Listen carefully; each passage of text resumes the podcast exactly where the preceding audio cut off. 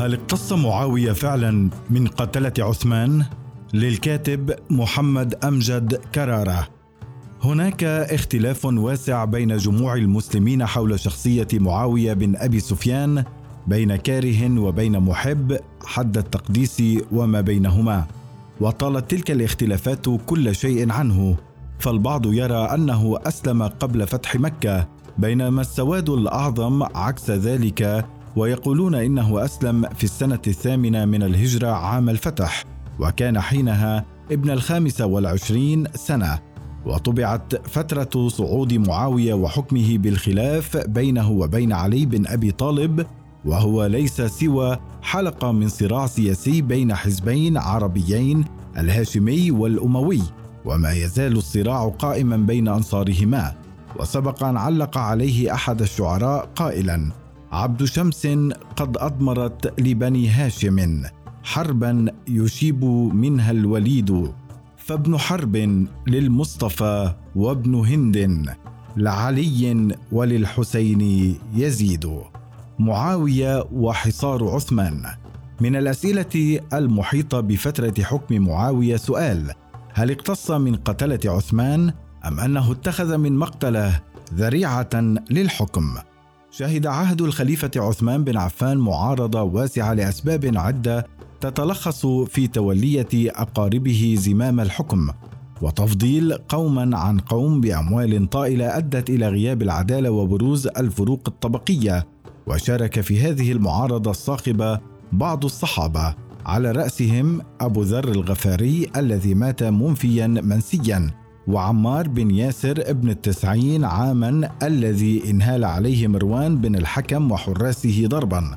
ولما اتقدت شرارة الثوره ضده كان معاوية وقد ذاك واليا على الشام. وحين حوصر عثمان في داره لم يولي معاوية أي اهتمام بالأمر لكنه كما يذكر ابن قتيبة الدينوري في كتابه الإمامة والسياسة اكتفى بالشجب والتهديد فأرسل متوعدا عمار بن ياسر يا عمار إن بالشام مئة ألف فارس كلهم يأخذون العطاء من أبنائهم لا يعرفون عليا ولا قرابته ولا عمارا ولا سابقته ولا الزبير ولا صحبته ولا يهابون سعدا ولا دعوته. فإياك يا عمار أن تقع في فتنة إن عرف أولها لا يعرف آخرها. ولم يكتفي معاوية بتهديد عمار بن ياسر وسائر الصحابة عبر الرسائل بل هددهم في عقر دارهم. يذكر الطبري في تاريخه أن عثمان أرسل إلى طلحة وقت الحصار يدعوه وعندما دخل على عثمان وإذ علي وسعد والزبير وعثمان ومعاوية فحمد الله. معاوية وأثنى عليه بما هو أهله. ثم قال أنتم أصحاب رسول الله صلى الله عليه وسلم وخيرته في الأرض وولادة أمره. هذه الأمة لا يطمع في ذلك أحد غيركم اخترتم صحابكم عن غير غلبة ولا طمع. وقد كبرت سنة وولي عمره ولو انتظرتم به الهرم كان قريبا. وقد فشت قالت خفتها عليكم فما عتبتم فيه من شيء فهذه يدي لكم به ولا تطمعوا الناس في أمركم فوالله لئن طمعوا في ذلك لرأيتم فيها أبدا إلا الدبار. فقال علي وما لك وذلك وما أدراك لا أم لك. دع أمي مكانها ليست بشر أمهاتكم فقد أسلمت وبايعت النبي صلى الله عليه وسلم. وأجبني فيما أقول لك. والسؤال هنا ماذا فعل معاوية غير توجيه الاتهامات؟ أين المئة ألف فارس الذين توعد عمارا بهم؟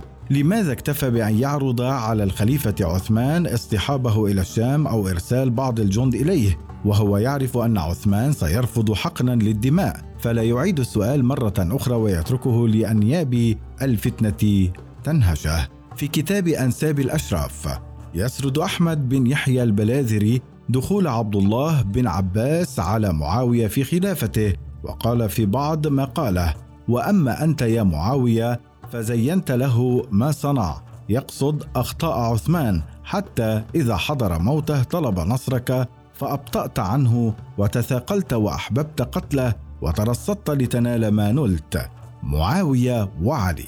دارت الأيام وقتل عثمان بن عفان واهتدت الخلافة إلى علي بن أبي طالب وأخذ الخليفة الجديد في إصلاح الدولة وإصلاحا جذريا لإعادتها إلى سابق عهدها. فأخذ أموال طبقة الأغنياء التي برزت في عهد عثمان وردها إلى بيت مال المسلمين وعزل كل الولاة من بني أمية إلا أن معاوية لم يقبل العزل وأبى الرحيل ومبايعة الأمير الجديد. وحجته في ذلك أن عليا لم يقتص من قتلة عثمان بل وجنبهم سيوف الثأر. ولم يكتف معاوية كسياسي ميكيافيلي بذلك بل صعد على المنبر وفي إحدى يديه قميص عثمان ملطخ بالدماء وفي الأخرى أصابع نائلة زوجة عثمان. محرضا الناس يا لثأرات عثمان. فدار الجدال والصراع بين الفريقين. علي من ناحية ومعاوية من ناحية أخرى متبادلين الرسائل والاتهامات. لماذا لم يقتص علي من قتلة عثمان؟ يجيب على هذا السؤال الإمام القرطبي في كتابه التذكرة. لم يكن ولي دم وإنما كان أولياء الدم أولاد عثمان وهم جماعة عمرو وكان أسن ولد عثمان وأبان وكان محدثا فقيها وشهد الجمل مع عائشة والوليد بن عثمان وكان عنده مصحف عثمان الذي كان في حجره حين قتل ومنهم سعيد بن عثمان وكان واليا لمعاوية على الخرسان.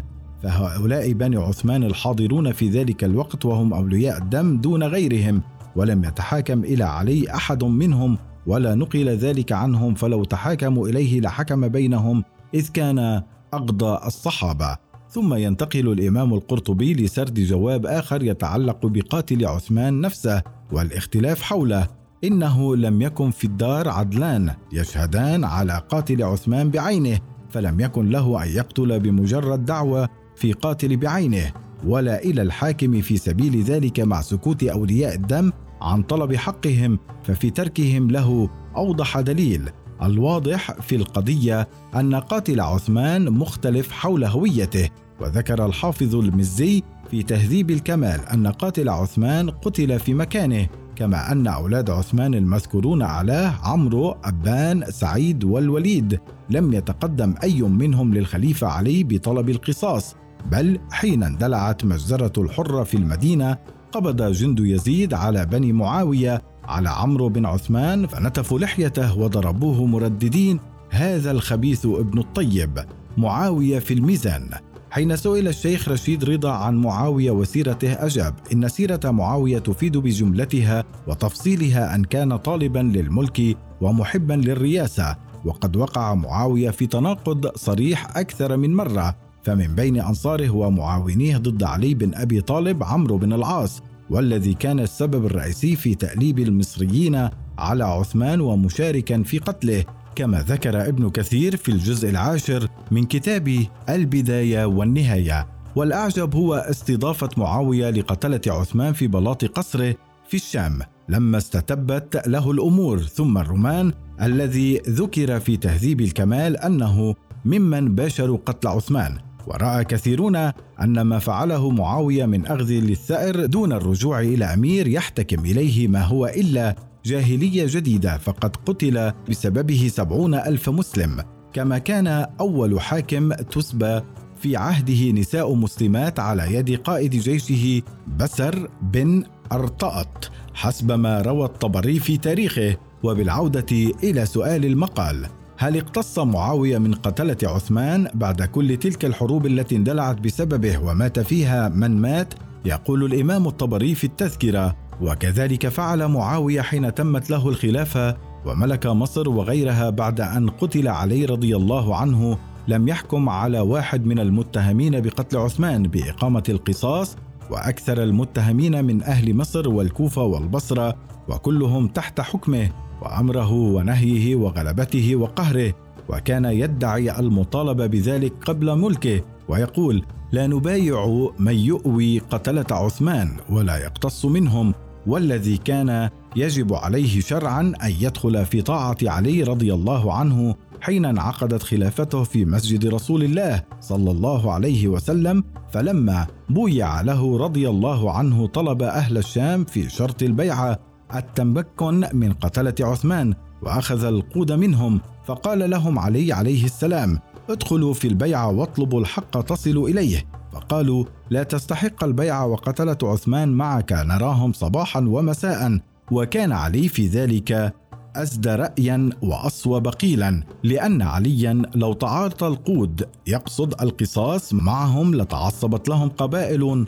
وصارت حربا ثالثة فانتظر بهم أن يستوثق الأمر وتنعقد عليه البيعة ويقع الطلب من الأولياء في مجلس الحكم فيجري القضاء بالحق. وذكر ابن تيمية الذي عرف بحبه ودفاعه المستميت عن المعاوية في كتابه منهاج السنة قصة تدحض حجة معاوية نفسه ومما يبين ذلك أن معاوية قد أجمع الناس عليه بعد موت علي وصار أميرا على جميع المسلمين. ومع هذا فلم يقتل قتلة عثمان الذين كانوا قد بقوا بل روي عنه أنه لما قدم المدينة حاجا فسمع الصوت في دار عثمان يا أمير المؤمنين يا أمير المؤمنين. فقال ما هذا؟ قالوا بنت عثمان تندب عثمان فصرف الناس ثم ذهب إليها فقال يا ابنة عم إن الناس قد بذلوا لنا الطاعة على كره وبذلنا لهم حلما على غيظ فإن رددنا حلمنا ردوا طاعتهم. ولأن تكوني بنت أمير المؤمنين خير من أن تكوني واحدة من عرض الناس. فلا أسمعنك بعد اليوم ذكرت عثمان.